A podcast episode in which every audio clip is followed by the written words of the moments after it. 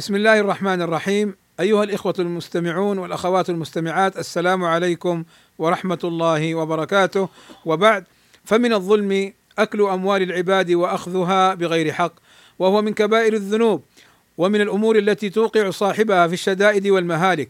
قال رسول الله صلى الله عليه وسلم كل المسلم على المسلم حرام دمه وماله وعرضه ومن حلف كاذبا ليأكل مال غيره ظلما أعرض الله عنه ولقي الله وهو عليه غضبان عليه وستغمسه يمينه في النار. فعن وائل قال جاء رجل من حضرموت ورجل من كندا إلى النبي صلى الله عليه وسلم فقال الحضرمي يا رسول الله إن هذا قد غلبني على أرض لي كانت لأبي. فقال الكندي هي أرضي في يدي أزرعها ليس له فيها حق. فقال رسول الله صلى الله عليه وسلم للحضرمي ألك بينة؟ قال لا. فقال صلى الله عليه وسلم فلك يمينه.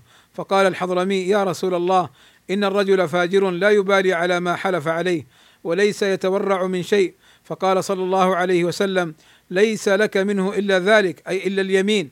فانطلق ليحلف. فقال رسول الله صلى الله عليه وسلم لما أدبر اما لئن حلف على ماله ليأكله ظلما ليلقين الله وهو عنه معرض.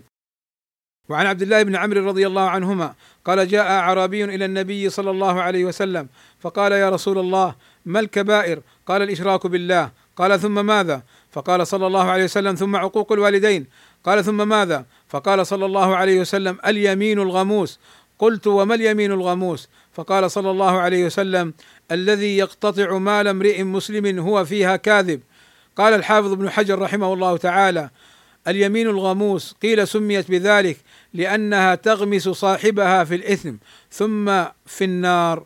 انتهى. والسلام عليكم ورحمة الله وبركاته.